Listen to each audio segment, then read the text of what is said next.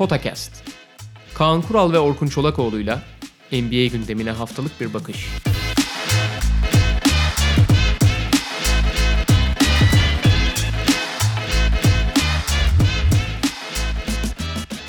Merhaba Podcast'a hoş geldiniz. Kaan Kural'la birlikte bir diğer Perşembe gününde karşınızdayız. Ee, sezonun %25'lik bölümünü, çeyrek kısmını geride bıraktık. Ee, karne dağıtmayacağız ya da ödülleri konuşmayacağız ama en azından bu ilk dörtte birlik kısım itibarıyla, ilk çeyrek itibarıyla hangi takımlarda sorun var gibi gözüküyor, hangi takımlar beklenti altında ve bu performanslarının, bu çizgilerinin sebepleri nedir üzerinden konuşabiliriz diye düşündük. Aynen öyle. Yani şey diye tabii sonuçta daha iyi olması beklenen, daha e, nispeten ligin ar- arkalarında olması beklenen takımlar var. Biz daha çok şu ana kadar sezon öncesi beklentilerin altında kalan ve e, niye altında kaldığını merak ettiğimiz takımları konuşacağız. Ha mesela atıyorum Charlotte da çok başarılı değil ama Charlotte beklentiler ölçüsünde hatta daha iyi gidiyor mesela. Yani böyle bir şey söylesek ne bekliyordunuz kardeşim Aynen diye öyle. karşılık gelebilir Charlotte. Şu anda Charlotte beklentilerin üstüne çıkan takımlardan biri. Yani Hayır. Charlotte örneğini vermemin sebebi hani başarısız takımları değil e, sezon öncesi görmeyi beklediğimizin hakikaten altında kalan bu ilk çeyrek itibariyle takımları konuşacağız. Bu dönemsel mi, yapısal mı, bizim beklentimiz mi yanlışmış yoksa şu anda yanlış giden bir şeyler mi var onu konuşalım. Tabii konuşalım ki yardımcı olabiliyorsak olalım. Aynen. Hani daha sezonun erken sayılabilecek bir safhasındayız. En azından bundan sonraki dönemde onlar da e, belki programdan da faydalanarak daha iyiye giderler. Ya biz sorumluluğumuzu yerine getirelim. abi. Ondan sonrası artık e, yönetimlere, teknik ekiplere kalmış. Kesinlikle. Ya e, şimdi genel bir şey olarak Kaan abi buradan zaten o takımlara bağlayacağız. E, sezon başına kıyasla şu hayal kırıklığını ben yaşıyorum kendi adıma. Burada da konuşmuştuk. Bu sezon başlarken sezona dair en büyük motivasyonumuz şampiyonluk e, adayı olan. Yani hepsi aynı ölçüde olmayabilir ama ağırlıklı olarak da olsa ucundan da olsa şampiyonlukta bir söz sahibi olabildiğini söyleyeceğimiz, söyleyebileceğimiz takımların sayısını fazlalığıydı. Ama bu çeyreklik bölüm geride kaldığında patır patır dökülme görüyoruz. Yani tamamen belki çerçevenin dışında bırakamayız ama o takımlar içerisinde de çok fazla problemli takım var. Yani e, sonuçta Golden State hegemonyası dönemi diyelim. E, çıtayı çok çok yukarı koymuştu ve o çıtaya çıtanın e, çıtaya ulaşması ihtimali olan takımlar çok düşüktü. Şimdi çıta görece biraz daha düştüğü için hani çok daha takım ona yaklaşabilir diye düşünüyorduk ama gördük ki ona yaklaşabileceğini düşündüğümüz takımların bazıları hiç oralarda o taraklarda bez yok. En azından ilk çeyrek itibariyle öyle. Yani şöyle dediğim gibi tamamen çerçeve dışında bırakamayabiliriz ama e, birazdan konuşacağımız Utah Evet. şu ana kadar hiç ışık vermiyor ya da e, derecesi iyi olsa da hatta hatta iki gün önce e, en iyi savunma istatistiğine sahip olsa da o Lakers karşısındaki görüntüsüyle Denver falan bunlar e, arka arkaya bu arada Lakers maçları denk geldi onların ama e, çok şey ışık vermeyen görüntüleri var. Biz takım takım gidelim. E, doğudan başlayabiliriz. Yani zaten ilk 5'i içerisinde Milwaukee, Boston, Toronto, Philadelphia, Miami arasında bilmiyorum senin çok Yok. e, bu başlık altına sokabileceğin bir takım var mı? Philadelphia'nın zaman zaman problemlerinden bahsediyoruz ama tam anlamıyla bir hayal kırıklığı durumundan bence Philadelphia'da bahsedemeyiz. Yani bu programda konu alacağımız takımlar arasında pek sokamayız. Sadece onların bence yapısal yani bahsettiğimiz işte Ben Simmons'la Joel Embiid'in bir arada oynamasının getirdiği alan paylaşımı sorunları. Ben Simmons'ın şut atmaması, Joel Embiid'in içeride operasyon yapacak alana ihtiyaç duyması veya genel olarak takımın e, şut konusunda biraz eksik kalması falan gibi sorunlar zaten var ama bence e, bu sezonla ilgili onlarla ilgili ekstra sorun olarak tek bahsedebileceğimiz konu Embiid kaynaklı olduğunu düşünüyorum ben. Daha doğrusu o Embiid temelli kaynaklı demeyelim de Embiid temelli. Ee, oyun ciddiyeti konusunda bir şampiyon e, şeyi göstermiyorlar. Yani ben tek benim endişem ve rahatsız olduğum konu o. Yani işte Toronto karşısında 11'de 0 atıp 0 sayıyla çıkmasından bahsetmiyorum ben. Yani e, şampiyonluğu oynayan takımın e, belli bir oyun ciddiyeti ve e, oyun odaklanması olur. E, Philadelphia için sorunlardan biri. Ha tabii Embiid'in karakterini düşündüğümüz zaman e, playoff atmosferi geldiğinde bunun değişebileceğini, en azından daha iyiye gidebileceğini değişmek derken e, illa adam bir günde şey olmayacak, kavay olmayacak tabii ki ama e, çok daha odaklı olabileceğini öngörebiliriz en azından şimdi bakarsak. Ama e, onların ciddi anlamda bir e, zihniyet çeki düzenine ihtiyaçları var. Başta Embiid olmak üzere. Haklısın Embiid başta. Ee, şöyle Simmons'ı da oraya yazıyorum. Şimdi Simmons'ın defeklerini, belli zayıflıklarını biliyoruz. Bununla birlikte Simmons'ın getirdiği önemli artılar da var. Mesela gerçekten kendini verdiğinde çok rakibi rahatsız edebilen ve birkaç pozisyonu savunabilen bir savunmacı. Hı hı hı. Bu çok değerli bir şey Philadelphia açısından ama Ben Simmons kendini e, ofansif kaynaklı bir süperstar ya da süperstar adayı olarak gördüğü için hala da o, orada konumlandırdığı için hiçbir zaman oyunun diğer tarafında motoru sürekli açık olmuyor.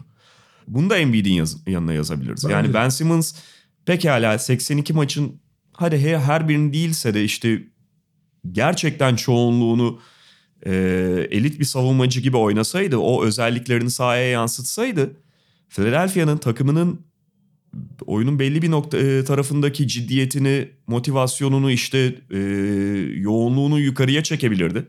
Sonuçta savunmanın ilk hattı oluyor. Ama Simmons kendini buna zorlamıyor.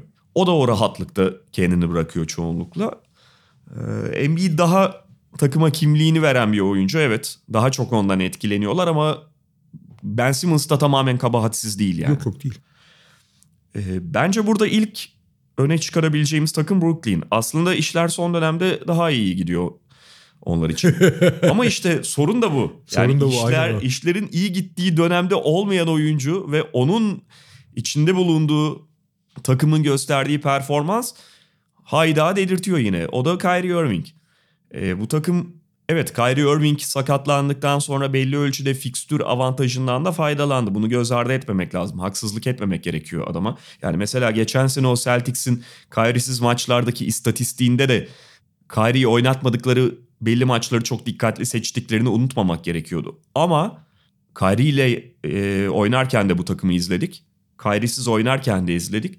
Fikstür kolaylaşmasından bağımsız olarak çok net bir savunma dikkati e, farkı var. Kyrie'li ve Kyrie'siz takım arasında. Ve oyun iştahı farkı da var. Yani e, bence esas büyük problem e, Kyrie'siz diğer oyuncuların çok daha motive oluyor olması. Yani bu illa Kyrie'ye karşı bir tavır mıdır ayrı konu ama Kyrie'siz daha yaptıkları işten mutlu gözüküyorlar. Yani ve e, ben bunu geçtiğimiz hafta Amerikan Mutfak'ta uzun uzun konuşmuştum. Hani orada tekrar aynı şeyleri tekrar etmeyeyim burada ama hani onu izleyebilir e, podcast dinleyenler e, ve onu takip etmemiş olanlar.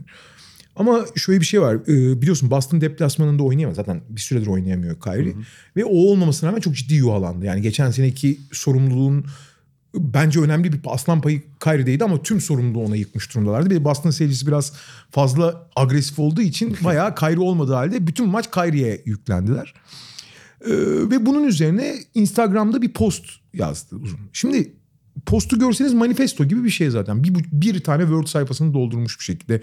Arada böyle bir sürü noktalama işareti, büyük harfle yazılmış tabirler falan. Onlardan korkacaksın zaten Aynen. Instagram. Ya bir kere zaten söylediği şey ya e, spor hayat sadece basketbol değil basketbolun önemli şeyler var. Bunu da unutmayın gibi bir mesaj aslında. Yani ve hani aslında çok da mantıklı da bir mesaj. Fakat bunu bir sayfa yazıp bu kadar aynı cümleleri tekrar ederek ünlem işaretleri falan koyuyorsan bu en basit tabirle kafa karışıklığını gösterir. Ve hani Kyrie'nin şu ana kadar e, sağ içi ve sağ dışındaki yaklaşımını, takım arkadaşlarıyla olan iletişimi düşündüğün zaman özellikle Boston'daki kariyerinde e, yine aynı konuların tekrar tekrar gündeme geldiğini görüyorsun. Nitekim Brooklyn'in haline baktığın zaman Kyrie'siz haline oyuncuların ne kadar daha vücut dillerinin olumlu olduğunu, ne kadar çok oynamak istediklerini gördüğün zaman e, Kyrie'nin yarattığı etkinin sadece sağ dışında değil sağ içinde de öyle. Çünkü Kyrie topla o kadar fazla oynuyor ve o bir şey üretmek için o kadar fazla topu domine ediyor ki diğer oyuncuların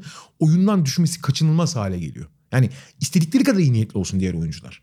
Oyunun içinde kalamıyorsun. Mümkün değil yani. Çünkü artı hani Kyrie'nin yaptığı operasyon bir de büyük oranda doğaçlama olduğu için yani onun yaratıcılığı e, ne yapacağını bilmeden herkes gibi yani seyirciler gibi takım arkadaşları da Kyrie'yi seyretmek zorunda kalıyorlar.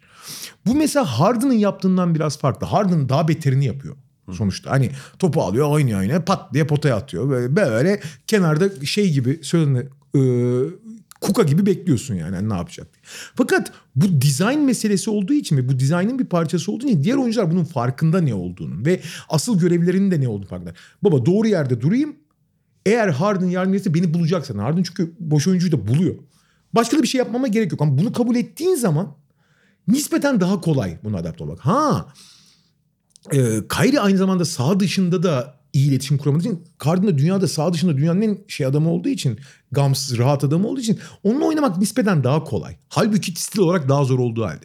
Kyrie de bu iki komboyu olduğu zaman diğer oyuncuların gerçekten oynama şevkini biraz elinden alıyor. Bunu hani Boston'daki hadi oyuncular gençti falan top paylaşmayı seven oyunculardı biliyorsun.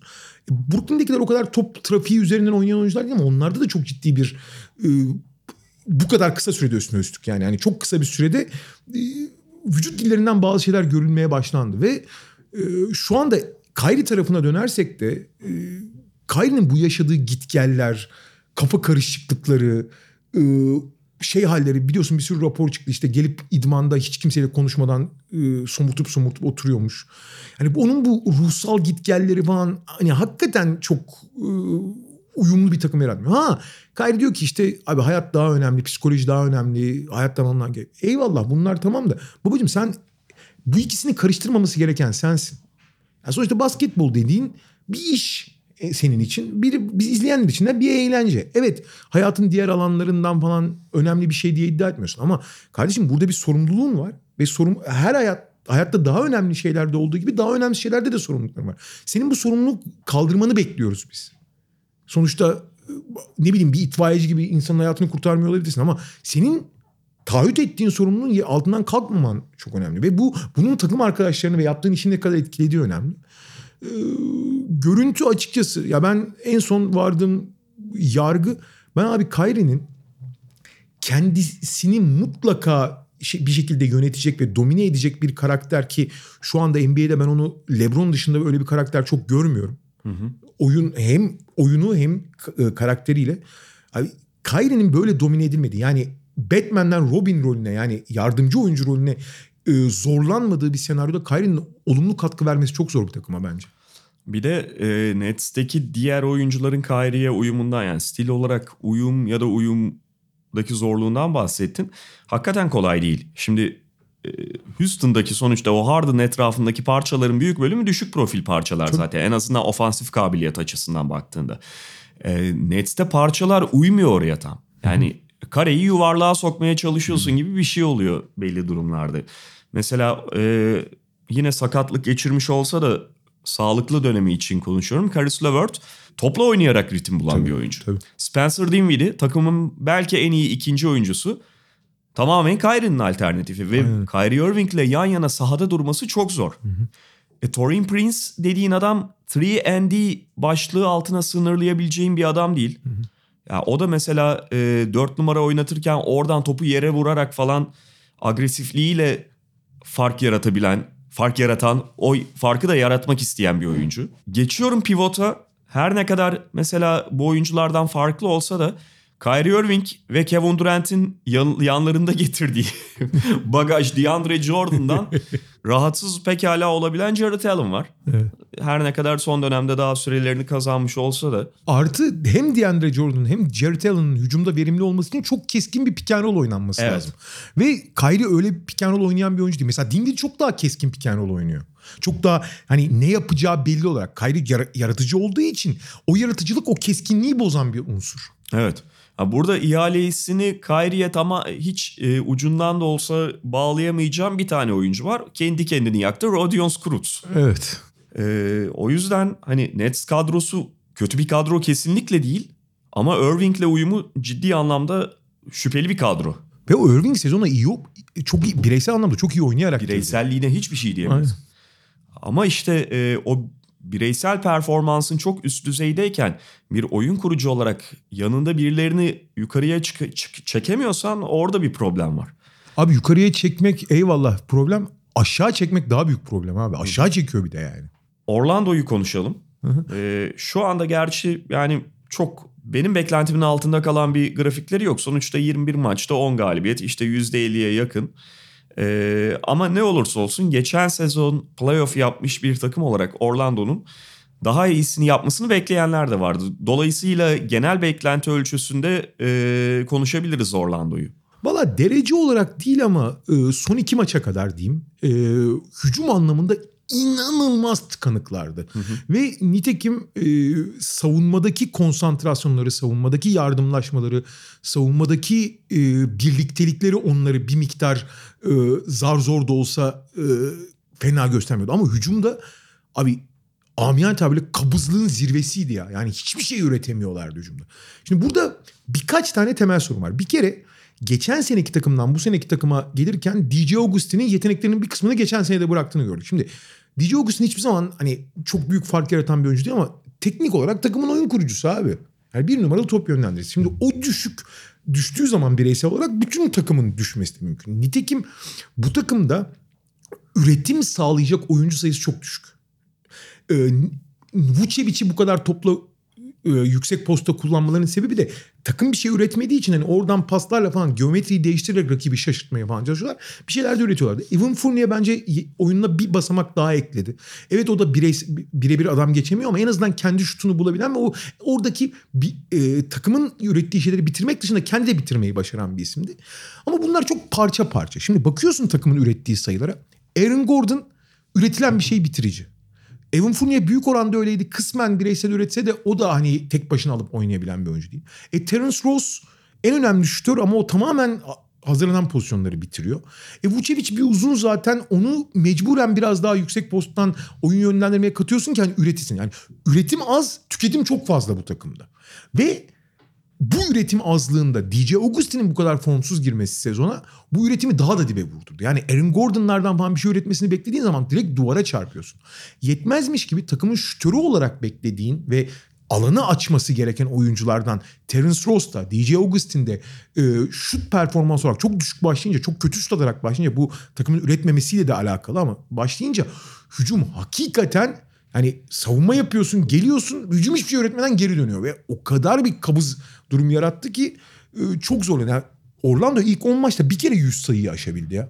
Artı Orlando'da şöyle bir durum var. Senin bahsettiğin o şutörlerin yanında Orlando'nun basamak atlaması için ne vardı teorik olarak? İşte Aaron Gordon'da, Jonathan Isaac'te biraz daha iyi şut atarlarsa. Kaldı ki Aaron Gordon'ın e, geçen sene dönem dönem atabildiğini gördük. Ama Aaron Gordon korkunç şut atıyordu evet. sezonun bu ana kadarki bölümüne kadar. Ee, Şöyle sezon mesela baktığın zaman takımın e, son yıllarda sürekli başarısı olurken aldığı draft seçimlerinden hani çıkış yapmasını beklediği oyunculardan Jonathan Isaac önemli bir çıkış yakalamış durumda bu sene. Hı. Yetmezmiş gibi yani. Buna rağmen ama ama Jonathan Isaac'in yakaladığı e, çıkış hücumla alakalı değil ki ya da üretmekle alakalı değil ki. Üretemiyor bu takım abi. Ya işte şöyle bir şey var. Şimdi Jonathan Isaac'i kesemezsin. Tabii. Kötü şut attığı için. Çünkü Jonathan Isaac o takımın savunmasında en önemli parçalardan biri. Belki birincisi. E, fakat sana beraberinde hücumda bir alan problemi getiriyor mu? Getiriyor. Getiriyor. Benzeri Aaron Gordon. Aaron Gordon hala değerli bir oyuncu. Atlet. Birkaç pozisyonu savunabiliyor. Açık sahada onun atletizminden faydalanabiliyorsun. Ama Aaron Gordon hala dünyanın en istikrarsız şutörlerinden biri. Bu sabah galiba 5'te 5 attı. Ee, sezon şeyi hala %33 ve yani Aaron Gordon sana 7'de 0 at, atar. Hiç ya bugün de çok ekstra kötü attı ya Aaron Gordon diyemiyorsun. 5'te 5 attığında da onu tekrarlayabileceğinden hiç emin olamıyorsun. Ee, ama onu da oynatmak zorundasın. Bunlara süre vermek durumundasın. Diğer Vucevic... şutörlerde de biraz problem olunca dediğin o kabuza bağlama durumu için bütün şartlar oluşuyor zaten. Vucevic de sakatlandı. Kane ilk 5'e yerleştiler. Mobamba'ya daha fazla süre var. Bu arada Mobamba'nın 5'te 5 attığı, üçlük attığı bir maç var ki dünya nereye gidiyor diyorsun. Artı takımın sağ içi lideri yok abi. Yani Aaron Gordon teknik olarak ve yani profil olarak en uygun olması gereken oyuncu ama karakteri ona çok uygun değil. Biraz Anthony Davis gibi yani e, liderlik yapmaya uygun bir karaktere sahip değil zaten Aaron Gordon. Hani ne teknik olarak ne e, karakter o e, zihinsel olarak. E, DJ Augustin biraz toparlamış olsaydı yani biraz yani Markel Futs'u oynatmaya çalışıyorlar işte. Yani oraya geleceğim. Al sana bir tane daha şey sorunlu şutör. Aynen sorunlu. Atamıyor yani. Artı Markel Futs'u izlediğin zaman abi Markel Futs oyun kurucu falan değil. Oyun kurucu pozisyonunda oynuyor olması hiçbir şey fark ettirmiyor. Markel Futs'un bütün pasları kendi şeyinden yani kendi force etmesinden fiziğiyle yarattığı forcelerden sonra açı bulduğu paslar. Yani sistemi çalıştıran Terence Ross'un, Aaron Gordon'ın veya diğer şütörlerin istediği sistemde doğru yerde işte pocket dediğimiz o ceplerde aldığı paslar falan filan değil. Yani Augustin'in düşüşü aynı zamanda Fultz'un evet Fultz'un belli bir katkı verebilen bir oyuncuya dönüşmüş olması değerli. Ama Fultz'un yeri abi bir numara değil. Bunu artık anlamak lazım. Fultz'un yeri iki ya da üç numara yani. Çünkü öyle bir oyun kurgusu yaratmıyor Fultz hiçbir zaman. E, hiçbir kurgu olmadığı zaman üretim sağlanmadığı için Fultz da bu üretime hiç katkı veren bir oyuncu değil. E, acayip kabıza bağlama durumu söz konusu. Ama işte biraz savunmanın tetiklediği açık sağ falan hücumları buldukları zaman biraz gevşedikleri ve biraz hani e, ne derler e, oyun akışıyla birlikte top çevirebildikleri zaman o üretim belki de oyunun akışından gelebilir. Son iki maçta da açıkçası kırdılar biraz gibi onu. Ee, peki şöyle devam edelim. Son iki maç dedin. son iki maçı kazanan bir takımla devam edilmiş Chicago Bulls. Yani son iki maçı kazandı da gözümüzden kaçmıyor tabii ki Chicago Bulls. Önceki hafta Golden State'e yenilmeyi başardılar. Baş, bu o bir başarı gerçekten. Ve 90 sayıda kaldılar değil mi? Hı hı. Bak yani bu terbiyesizlik. Ciddi anlamda terbiyesizlik Golden State'e karşı 90 sayıda kalmak. Aynen. Yenilmek ayrı bir konu. Ee, zaten kazandıkları üst üste iki maçta şey Sacramento ve Memphis'e Memphis'e karşı Sacramento'dan birazdan bahsedeceğiz. E, Memphis'i de doğru zamanda yakalayabildiğinde işte Jamorant falan yokken e, işin kolaylaşıyor malum. Ama Chicago'nun 8 galibiyeti var. Bu 2 galibiyete kadar işte zaten 6 falandı. Berbat durumdalar. Özellikle sezon başında onlardan neler beklediğimizi düşünürsek. Valla geçtiğimiz 10 gün içinde iki tane olay oldu. Bir Charlotte maçı mıydı o son saniyede kazandıkları? Evet. Charlotte. Bir o bir de e, geçen gün deplasman turunda neredeydiler? Denver'da mıydılar? Memphis'te pardon Memphis'te. İki tane sahne var. Birinde işte e, maçın son basketini attıktan sonra sevinç gösterisi sırasında Jim Boylan aralarına geliyor ve Jim Boylan'a hiç ilgilenmiyorlar bile. Hı hı. Bir de Memphis maçında kötü başladıktan sonra Jim Boylan bir mola alıyor. Mola da dinlemiyorlar bile Jim Boylan'a. Böyle kolundan tutuyor Zach Lavin. Zach Lavin e, tavana bakıyor yani. Abi yani burada biliyorsun Jim Boylan göreve geldikten 5. gün sonra idmana çıkmayı reddetmişti oyuncular. 5 olmamıştı hatta galiba. Öyle bir şeydi yani. Öyle bir şeydi. Sonra son anda hani idmana gelmemenin e, kendi iş tanımlarına uygun olmadığını Hı-hı. karar verip idmana gidip idman yapmamışlardı. İdmana gelmemek değil, idmana gidip idman yapmamışlardı. Ve o günden beri Jim Boylan'la oyuncular arasındaki iletişimin korkunç derecede kopuk olduğu her yerde belli oluyor. Ama ben sahada bunları görmeyi umuyordum. Sahada hani sevinç gösterisinde koçu dışlamaları, molada hiç dinlemeye hani kameralar üzerindeyken hiç dinlemiyor gibi gözükmeleri falan hani hakikaten net protesto. Bir de Chicago'nun maçlarına bakıyorsun abi. Bazı maçlarda hiç oynamak istemediklerini neredeyse grev yapar gibi. Yani bazı maçlarda konsantre olamazsın. Şey o gün çok boş vermiş olursun. Bunlar her takım için geçerli. Clippers için bile geçerli mesela. Ee, Chicago için daha da geçerli olabilir. Çünkü oyuncuların karakteri öyle çok yırtıcı ve çok oyun isteği olan Teddy Young dışında oyuncuları yok. Yani öyle her maçı büyük konsantrasyon oynayacak. Fakat bundan daha bağımsız. Neredeyse grev yapar gibi oynamıyorlar. Yani protest bir şeyi protesto eder gibiler sahada yani. Ee, öyle birkaç maçını hatırlıyorum. Bir Indiana maçı var mesela falan. Hani inanılır gibi değil yani. Bu, zorla silah zoruyla oynatılıyormuş gibilerdi. Ya şimdi bu e, NBA'de 30 takımın her birinin ya da hadi Chicago'yu bir kenara bırakalım. Diğer 29 takımdaki her koçun takımına %100 hakim olduğunu, %100 bir otoriteyle takımına e, şey yaptığını söyleyemezsin. Liderlik ettiğini ama bunun bir örneği daha yok. Yok yok. En evet. kötü takımlarda da yok ya da daha dağınık böyle ta, e, oyuncuların at e, şeyi koşturduğu takımlarda da yok. Bu tek bir örnek Aynen. bütün NBA'de. Ve tek bir örnek olmasının yanı sıra bunun devamı olamaz. Bu bir yere çıkmaz abi. Hiçbir yere gitmez abi. Bak dağınık takım bilmem ne e, tuhaflıklar oyuncuların daha böyle laçkalaştığı, kontrolü ele geçirdiği takımlar devam edebilir. Bir şekilde devam edebilir NBA kültürü içerisinde. Bunun bir yere gitme imkanı yok. Ya bunun iyi olma şansı yok ki bu sene benim Chicago ıı, sürpriz adaylarımdan biriydi. Ben playoff adayı olabileceklerini düşünüyordum. Çünkü Satoranski'yi aldıkları zaman yüksek tempoda işte Mark Cannon, Lavin gibi dağınık oyuncuların yüksek tempoda oyun iştahının artacağını ve açık sahada onların geçen seneki Sacramento'nun bir klonu olabileceklerini düşünüyordum. Baba Satoranski şu anda şey gibi yani hani niye alındığı belli değil. Çünkü Satoranski e, açık sahada diğer oyuncularla top alışverişi yapmıyorsa Satoranski'yi niye alasın ki abi? Satoranski öyle bireysel olarak sayı üreten falan. O zaman Kyrie'yi al abi daha iyi yani. Hani Satoranski ancak takım arkadaşlarıyla bir iletişim olursa ve yüksek tempoda oynanırsa bir işe yarar. Burada da bence Jim Boylan'ın kabahati var. Çünkü e, sezon başında demeçlerinde de görüyorsun. Böyle bir niyeti olmadığını, böyle bir planı olmadığını. Zaten o planı olsa bile bu oyuncuların bu planı dinlemek konusunda ne kadar niye, iyi niyetli olacakları daha apayrı bir tartışma konusu. O yüzden tam bir saldım çayıra mevlam kayıra oyuncuların yani şeyin işte e, Amerikalıların klasik tabiri var ya işte mahkumların hapishaneyi ele geçirdiği bir senaryo var yani. Yani tam bir şenlik yani şu anki ortam. Halbuki orada özellikle yüksek tempoda verimli olabilecek bir nüve çok var yani. Ama öbür tarafta Zach Levin istediği gibi takılıyor. Markkanen istediği gibi takılıyor. E, Yazık Satoranski ne yapacağını çok bilemiyor. Wendell Carter Jr.'ın gelişimi çok sınırlanmış durumda. Çünkü onu kullanmıyorlar doğru bir şekilde. Öyle e, çok tuhaf maçları kazanabilirler tempo buldukları zaman. Ama bir maçta ilk yarıda e, hani tamamen grev yapamayacaklarını da bilemiyorsun. Hep öyle bir iki kazanırlar, bir kaybederler. Üç kaybedip iki kazanırlar falan öyle gidiyorlar işte. Detroit Pistons'ı falan geçiyorum. Geç abi. Washington, Cleveland yani bunlar herhangi bir beklenti zaten yaratmıyorlardı. Belki Atlanta'dan bahsedebiliriz. Çünkü sadece 5 galibiyetleri var ve geçen sezonki Atlanta'dan belli bir çıkış bekleniyordu. Ha çok bariz faktörler var e, o çıkışı gösterememelerinde ama yine de konuşmaya değer. Bir tanesi John Collins'in cezası. En iyi ikinci oyuncularından mahrum geldiler buraya kadar. İkincisi belki biraz gözden kaçtı. Atlanta biraz da daha düşük profil takım olduğu için ama Atlanta geçen sezonki takımın üzerine biraz daha koyalım ve playoff yapalım diye hareket etmedi yaz Aynen döneminde. E, yeni çaylaklar aldılar işte. DeAndre Hunter'ı takıma kattılar. Cam Reddish'i takıma kattılar. Özellikle Cam Reddish lige hiç hazır girmeyen bir oyuncu Peki. ve ona belli bir süre vermeye çalışıyorlar bütün verimsizliğine, bütün hatalarına, e, performans düşüklüğüne rağmen. Ama haliyle e, hazır olmayan bir çaylak oynatıyorsun ve bu da seni aşağıya doğru çekiyor. Ne olursa olsun Torian Prince değerli bir parçaydı. Onu da kaybettiler arada. Ee, işte uzun konusunda sıkıntıları Dedmon'u var. kaybettiler. Dwayne Dedmon'u kaybettiler. Uzun konusunda sıkıntıları var. Yani 5 galibiyetten belki biraz daha fazlası bekleniyordu.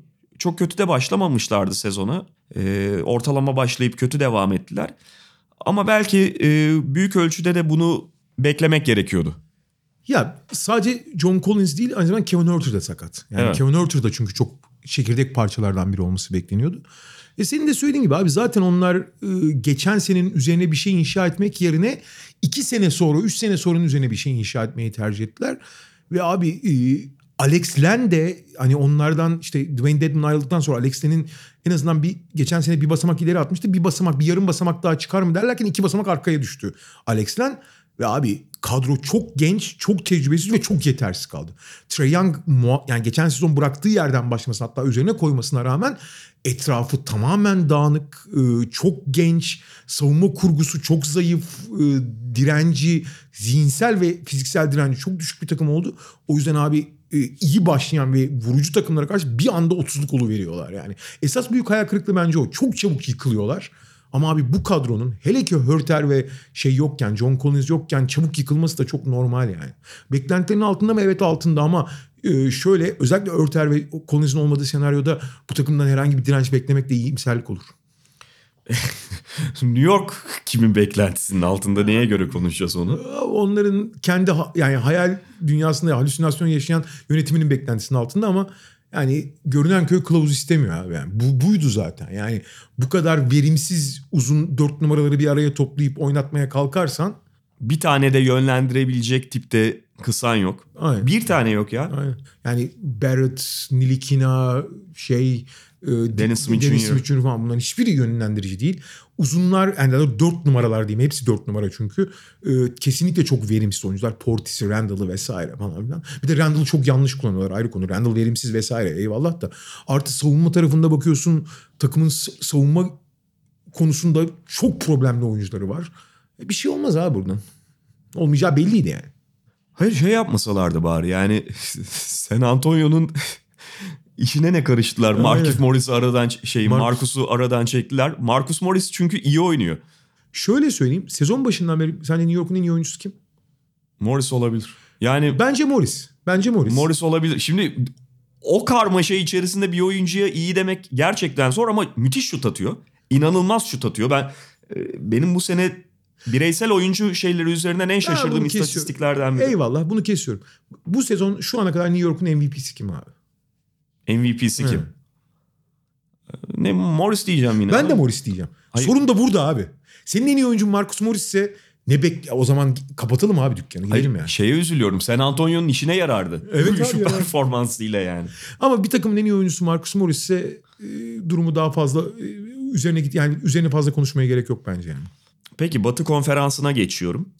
Şimdi biraz önce başlarken de söylediğim gibi Denver Nuggets'ın aslında derecesine baktığında e, neden onları beklenti altında kalan işte belki hayal kırıklığı yaratan diyebiliriz takımlar arasında konuşalım ki sorusu gelebilir akla.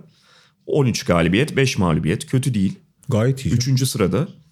E, fakat biraz daha mikroskopla bakmaya başladığında görüyorsun bir takım şeyleri Denver'da. Birincisi mesela onların point differential'ı 4.2 şu anda. E, etrafındaki takımlarla kıyasladığında bayağı aşağıda kalan bir miktar bu. Ve bu istatistik bazı durumlarda e, bazı takımlarla ilgili sorunları ortaya koyar. Detaylandırabildiğin takdirde. Bu 13 galibiyet içerisinde birçok galibiyetin çok tatmin edici olmadığını da biliyoruz. Denver açısından baktığımızda, onların gözünden baktığımızda ve bence burada konuşmalıyız onları.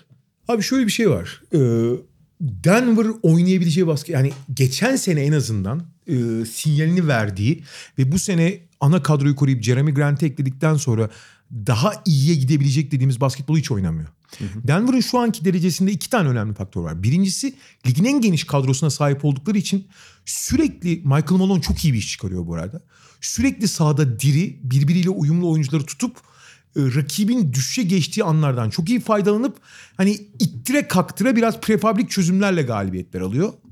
İkincisi e, gene Michael Malone'un büyük başarısı e, iyi bir savunma kurgusu kurmuş ve oyundan düşen yani odaklanmadan düşen oyuncuyu hemen değiştirip mesela Malik Beasley bir ara çok kötüydü onu tamamen kenara çekti. 15 oyuncuyla oynayabildiği için hazır olmayanı oynatmıyor ya da kafaca yani ma- maçtan maça haftadan haftaya. Bu onların kadro zenginliğini bir şekilde paraya dönüştürmesi anlamına geliyor. Fakat abi tabanı yukarı çeker bu tabanı yukarı çekmez. Beni tekim abi şu an oynanan oyuna bakıyorsun abi verimlilikten falan o kadar uzak ki. Burada tabii baş sorumlu kesinlikle Nikola Jokic. Yani Çok kötü durumda. Abi bir kere yani şey çok ilginç ya. Dünya Kupası'ndaki 5.lik 6.lık maçı oynadıktan sonra sezon öncesi kampının arasında 22 gün vardı. Abi 22 günde 15 kilo falan almış Nikola Jokic. Yani o arayı nasıl geçirdiyse e, son derece fazla. Aşırı kilosu var. Çok formsuz, çok dağınık geldi. Ha sezon içinde yavaş yavaş- sonuçta o kadar yetenekli bir oyuncu ki hala verim veriyor. Ama abi o keskin olmadığı zaman her şey düşüyor. Çünkü takımın oyun kurucusu abi adam. Ve e, şu anda genel olarak fiziksel formsuzluğu haricinde ya da fiziksel ekstra kilosu haricinde zihinsel olarak da mutsuz bir yok iç var abi. O yok için heyecanını, coşkusunu hiç görmüyorsun. Neden mutsuz? Fiziğinden, fiziksel yorgunluk mu getiriyor ona e, kilo fazlalığı vesaire onlara bir şey diyemem. Ki sezon başı itibariyle biraz da kilo verdi. Yani şu anda biraz daha iyi durumda. Tabii ki en fit halinde, geçen seneki playoff halinde falan değil ama o biraz fakat sahada abi o da biraz böyle çok ite kaka oynuyormuş gibi gözüküyor. Şimdi yok hiç öyle olduğu zaman abi bütün dikişler sökülüyor. Çünkü takımda Gary Harris ve Millsap gibi iki tane sağduyu tems- timsali oyuncu olsa da ilk beşte abi Will Barton, Jamal Murray falan çok yönetilmeye ihtiyaç duyan oyuncular.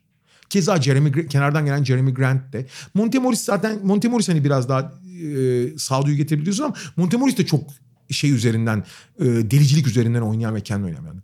Bu takıma dengeyi getirecek oyuncunun yok hiç olması lazım. Yok içi bu rolü almadığında çok büyük problem oluyor. Yok için abi mesela en son Lakers maçına bakıyorsun. Abi uzun süre top almadı yok hiç ya. Baba yok için top almadığı bir senaryo. Oyun kurucunun top almıyor abi. Böyle bir şey olur mu ya? E ne oluyor ondan sonra? Cemal Murray'nin e, abuk subuk şeylerine kalıyorsun. Abi Sacramento maçının sonunda yaşanan abi profesyonel basketbol takımının kabul edemeyeceği bir şey olması lazım. Normal sürenin sonunda bir kere 10 küsür sayı önde oldukları maçı uzatmaya götüren normal sürenin sonunda felaket iki tercih kullandı Cemal Murray.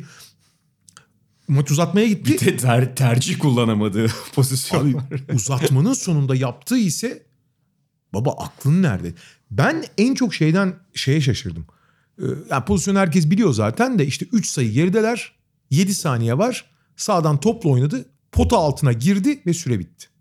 Yani her şey bir tarafa 3 sayı gerideyken pota altına niye gidiyorsun abi? 2 sayı atsan ne olacak? Süre bitti. Olan yok. Hiçbir şeyin yok yani. Süre bitti kaldı.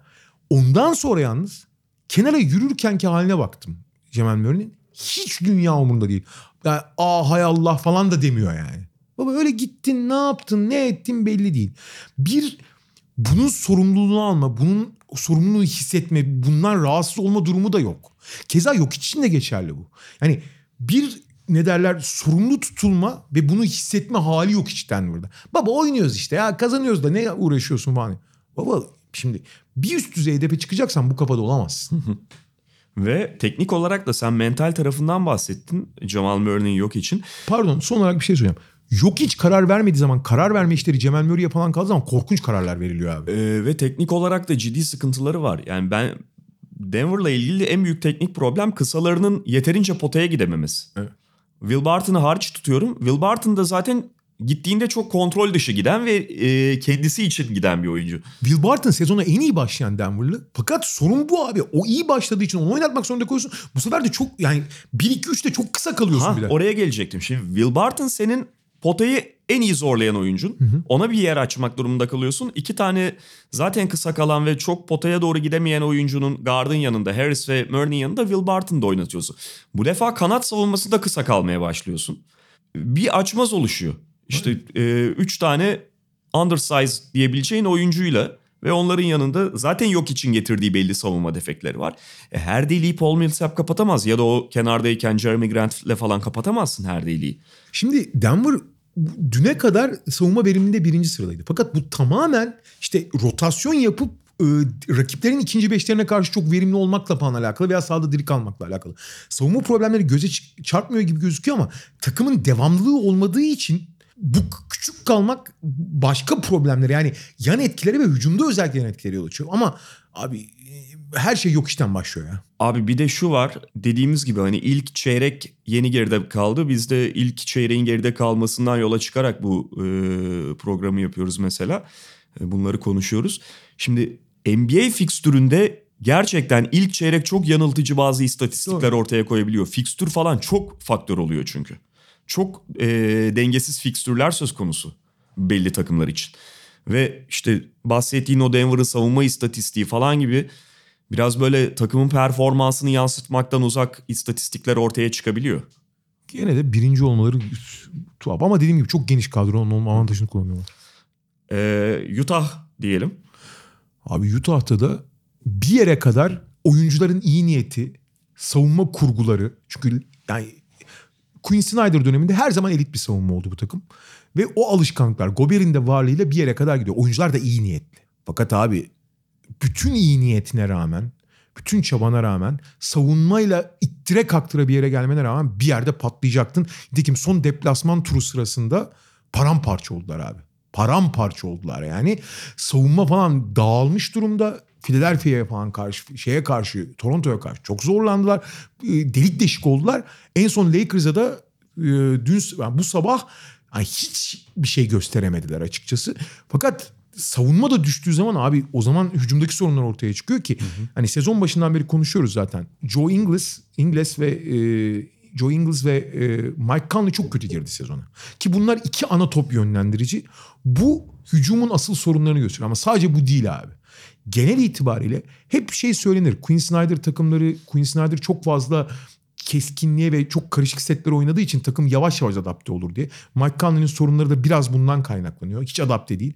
Ama abi bomboş şutları bile kaçırmaz yani. Bomboş şutu en azından daha dengeli atarsın. Facia şut atıyor Mike Conley. Joe Ingles feci durumdaydı. İkinci beşe alınmıştı. Dün mecburen ilk beşe aldılar tekrar.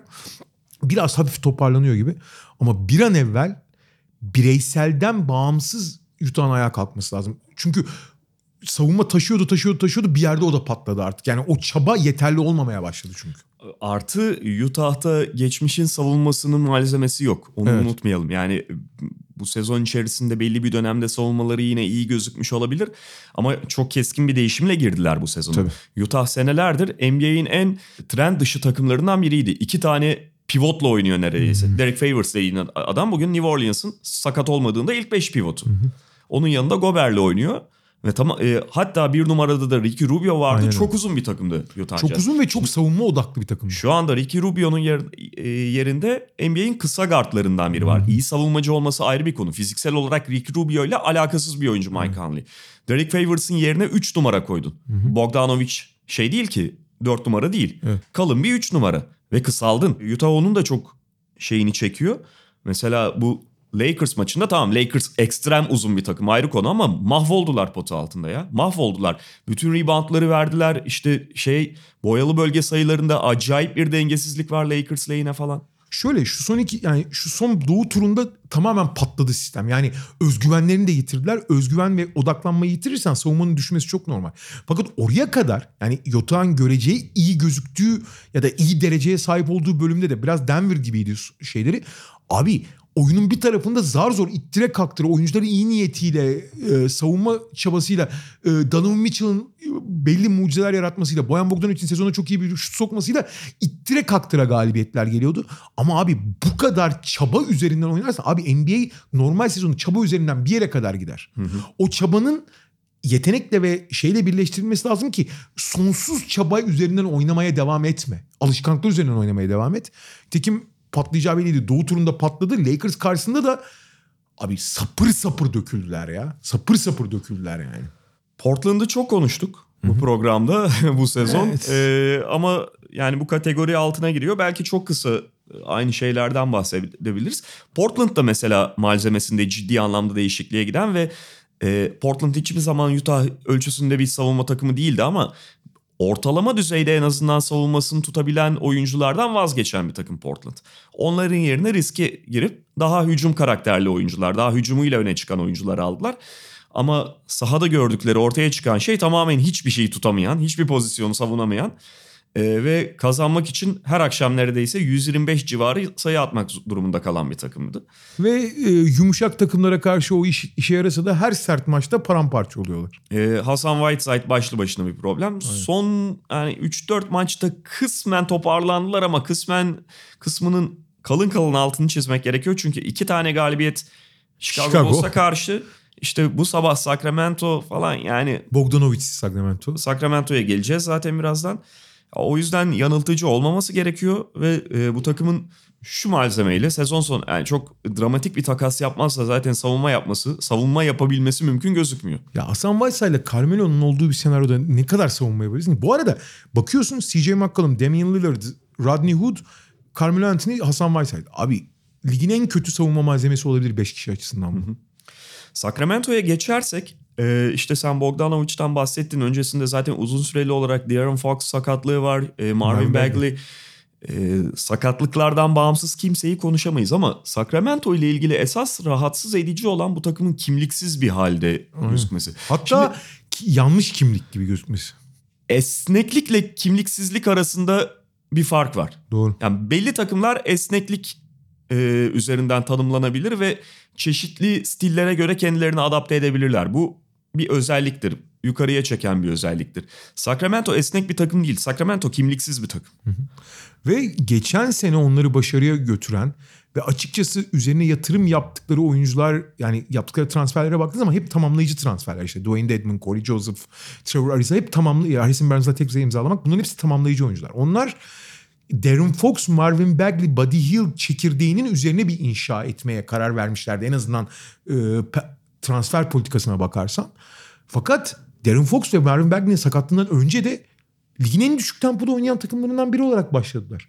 Ki hani tamam Fox sakatlıktan sonra bir, bir senaryo olabilir. Nitekim oradan sonuç da aldılar. Düşük tempoda özellikle Bogdanovic ve e, Bielitsa'nın performansı yükseldi. Onlar keskin oynamayı daha iyi başarıyorlar. Bogdanovic çok daha verimli oluyor bu arada. Buddy Hield her sistemde oynayabildiği için o da iyi şut atmaya başladı zaman iyi gözükler ama babacım yani bu senaryo bu takımın senaryosu değil. Artı hani modern oyunda da düşük tempoda oynamak için ancak Lebron'ların falan olması lazım ki hani yarı sahada çok sorun çözücün olsun. Tamam Bogdanovic bir sorun çözücü ama bu yeterli olmaz. Artı abi o kadar ciddi bir kimlik farkı var ki Bagley ve Fox'un oynadığı oyunla şu an oynanan oyun arasında. Bagley ve Fox, Bagley dönmek üzere. Fox da dö- çok yaklaştı. Yani 10 güne kadar dönecek. Abi döndükten sonra ne olacak? Düşük tempo oynamaya devam mı edeceksin? Olmaz.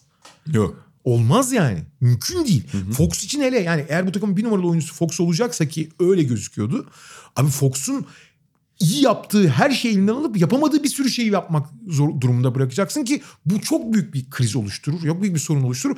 Yetmezmiş gibi bu sefer Bogdanovic'e nasıl bir rol biçeceksin Fox döndükten sonra. Ee, geçen sene onları belli bir seviyenin üzerine çıkaran şey tamamen tempoydu. Ve tempo üzerine oynamaktı geçen sene ligin en yüksek tempolu takımları şimdi en düşük tempolu takımlarından birine dönüşmüş durumdalar. Fakat bu senaryo bu kadroya uymuyor yani. Hani kısmen aldıkları sonuçlar biraz toparlanmış olsa 0-5 başlangıçtan sonra bu biraz aldatıcı. Buddy Yield'ın performans yükselişiyle falan çok alakalı bir konu. Veya Bogdanovic'in kendini rahat hissetmesiyle. Ama bu kimli yani bu elbise bu e, vücuda olmaz abi. San Antonio ile ilgili çok enteresan bir durum var biliyorsun. Son 14 maçta mı ne 3 galibiyetleri var işte. O galibiyetlerden bir tanesi Houston, bir tanesi Clippers. Houston maçında Houston maçının da bu arada, Bu arada e, tescilleneceği kesin değil. Belki büyük, büyük ihtimal tescillenecek de bir basketi iptal edildi. Lonnie Walker'ın son çeyrekte 19 sayı atmasıyla falan maç kazanıyorlar. Nasıl Tracy McGrady taklidi yapmasıyla falan kazandılar. Bu arada Clippers maçı da tamamen şey e, Şükran gününden bir gün sonraydı. Hindi'yi fazla kaçırmış sahada yürüyemeyen bir Clippers vardı. Ama San Antonio için sezonun daha normalleşen görüntüsü bu Houston maçından bir gün önce ya da iki gün önceydi galiba Detroit karşısındaki Tam görüntüsü. işte Clippers ve Houston yani iki tane iyi takım galibiyetin arasında bir Detroit maçı oynadılar. Ne oldu? Ve yani ligin kötü takımlarından biri Detroit fark yediler. 132 yediler abi. Detroit'ten fark yemek yürek ister. Aynen öyle. Geçtiğimiz yani çok olmadı üzerinden çok geçmedi. Greg Popovich nihayet John Murray'i kenara çekip ilk 5'te bir değişikliğe gitti biliyorsun. Derek White'ı aldı. Ama sadece tek bir oyuncu değişikliğiyle falan ya da bu kadro içerisinden belli taşların yerine oynatmayla hallolabilecek bir meseleleri yok. Bu arada bir taş daha değiştir. Bence bu daha önemli. Jacob Poeltl'ı ilk beşten çıkarıp Rudy Gay'i aldı. Şimdi normal e, Lamarcus Aldridge'i alamadığı için. Bu ama en azından daha modern, daha sahaya yayılabilecek, daha e, alan paylaşımı yapabilecek bir kadro. Sorun şu ki asıl büyük problem Lamarcus Aldridge. Çünkü Lamarcus Aldridge hiçbir şekilde savunma yapamadığı için, savunmada heykel gibi durduğu için San Antonio ne yaparsa yapsın vasatı bile bulamıyordu savunmada. Nitekim bunun hemen üzerine Lamarcus Aldridge sakatlandı, ve iki Sakatlandı. maç oynamadı ve Jakob Poeltl ilk beşe geri döndükten sonra daha yani tabii ki seviyesi düşük ama daha değerli toplu savunma yapabilen bir takım ortaya çıktı bir anda. Sadece Lamarcus Aldridge, Jakob Poeltl değişikliğiyle. Lamarcus Aldridge, Jakob Poeltl'dan daha iyi bir oyuncu. Daha üst düzey bir oyuncu. Ama abi sıfır savunma Lamarcus Aldridge. Ve Jakob Poeltl'la belli bir savunma kurgusu kazanabiliyorsun en azından arkada Jakob Poeltl'ın bekçiliğinde. Ee, bundan sonra nasıl ileri gidecekler? Lamarcus Aldridge'a nasıl yer bulacaklar? E, ikisini yan yana oynatam oynatamıyorsun. Bir. Ya daha doğrusu Lamarcus Aldridge'i savunmada saklayamıyorsun. Asıl sorun o. Abi bir de onun DeMar DeRozan versiyonu var işte. Şimdi bunlar senin kağıt üzerinde en önemli iki skorerin ama beraberinde getirdikleri iki büyük problem var. Birincisi ikisi de orta mesafe üzerinden oynuyor. Aynen. Sahanın benzer bölgelerinde oynuyor ve verimli oynamıyorlar. Yani bugünün basketboluna göre çok sağ açan tipte oyuncular değil. İkincisi savunmada zaaflar yaratıyorlar. Şimdi bunların yanında mesela e, savunmayı dengelemek için oynat, oynatabileceğin oyuncular kimler? E, ilk akla gelen DeJounte Murray. Abi DeJounte Murray bu ikisinin yanına hele hele DeMar DeRozan'ın yanına e, DeMar DeRozan'ın yanına sahaya attığın anda problem zaten. Doğru. Tıkanıyor bütün hücum. İşte söylediğin gibi Pearl'ı nerede kullanacaksın? Aldridge'le yan yana oynatabilecek misin? Oynatamazsın. Ee, Daha doğrusu Lamarcus Aldridge'i nasıl oynatacaksın? Asıl problem o. Sağda nasıl tutacaksın yani? ya kadro ciddi anlamda problemli ve takas olmadığı müddetçe falan çok zor. Çok zor. Yok. Ya da işte Lamarcus Aldridge'in sakatlığı devam edecek. en iyi çözüm o abi. Ya da Lonnie Walker böyle oynamaya devam eder. Lonnie Walker, Lonnie Walker gibi oynarsa Lonnie Walker, Tracy McGrady olursa. gibi oynarsa o zaman San Antonio'nun problemleri çözülür. Bir de ben New Orleans'tan bahsedelim diyorum son olarak.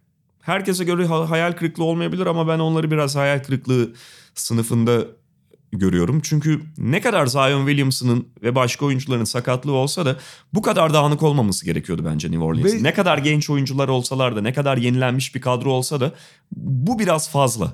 Bir, ikincisi bu kadar da kötü savunma yapmalı. yapmalı. Burada ama işte yani Alvin Gentry kadar ben Drew Holiday'in de e, hiç liderlik edemediğini düşünüyorum. Yani saha içinde. Yani saha dışındaki liderlikisine saha içinde de Drew Holiday'in "Aa, bu takıma çok daha iyi bir lider gibi olması gerekiyordu. Ama onlar kadro tamamlanmadan yani büyük skat kat problemleri çözülmeden yani daha hesap verilebilir bir senaryo olmadan. Çünkü abi oynayan oyunculardan hesap soramıyorsun alternatifleri olmadıkları için. Daha hesap sorulabilir. Daha kurgu oturmadan da çok ne, ne diyeyim ben çok suçlamamak lazım. Ama sana katılıyorum tabii ki. Yani bu kadar da dağınık olunmaz yani. Yani şöyle şimdi Alvin Gentry'e e, şu konuda hakkını vermek gerekir. Daha doğrusu Alvin Gentry'nin içinde bulunduğu zorluğu ortaya koymak gerekir. İki çok kritik pozisyonda kötü durumda. Birincisi söylediğin Drew Holiday'in tırnak içinde satmasından kaynaklı kötü durumda. Aynen. İkincisi pivotta Derek Favors da sezon başından beri hem sakatlık problemi var hem de sakatlanmadığında da iyi durumda değildi. Evet. Derek Favors'ı çıkardığında arkada kalan oyuncular Jackson Hayes, çaylak çok iyi atlet ama sürekli faal yapıyor. Ve çok pozisyon hatası yapıyor doğal olarak. Nicolo Melli'yi de 5 numarada tutamıyorsun abi NBA 5 numaralarına karşı. Cahil, Cahil Okafor'da hiç savunma yapmıyor. Jalil Okafor zaten ayaklarda çimento. Yani şey e, mümkün değil bu oyuncularla. Ha bunun yanında ben yani Gentry'nin de e, Gentry çok rahat geçinilmesi iyi bir koç falan ama böyle durumlarda işte takımı toparlaması güçleşiyor Alvin Gentry'nin. Herkes iyileştikten sonra bir daha takımın durumuna bakmak lazım ya. Evet. Yine de işte e, benim açımdan hayal kırıklığı takımlardan biri. Tam böyle me- mesela biraz kıpırdanır gibi oldular. Üst üste 6 maç kaybetmiş durumda New Orleans. E, bakalım hani biraz daha kadroyu toparladıklarında Zion falan da gelince e, düzelme emareleri görecek miyiz? Zion'ın dönüşte biraz ertelenmiş galiba. Evet. Bir takım atlamadık herhalde bilmiyorum senin Yok. aklında şunu da konuşabilirdik diyebileceğim biri var mı? Yok. E, bugünlük bu kadar diyoruz o zaman. Tekrar görüşmek üzere. Hoşçakalın. Hoşçakalın.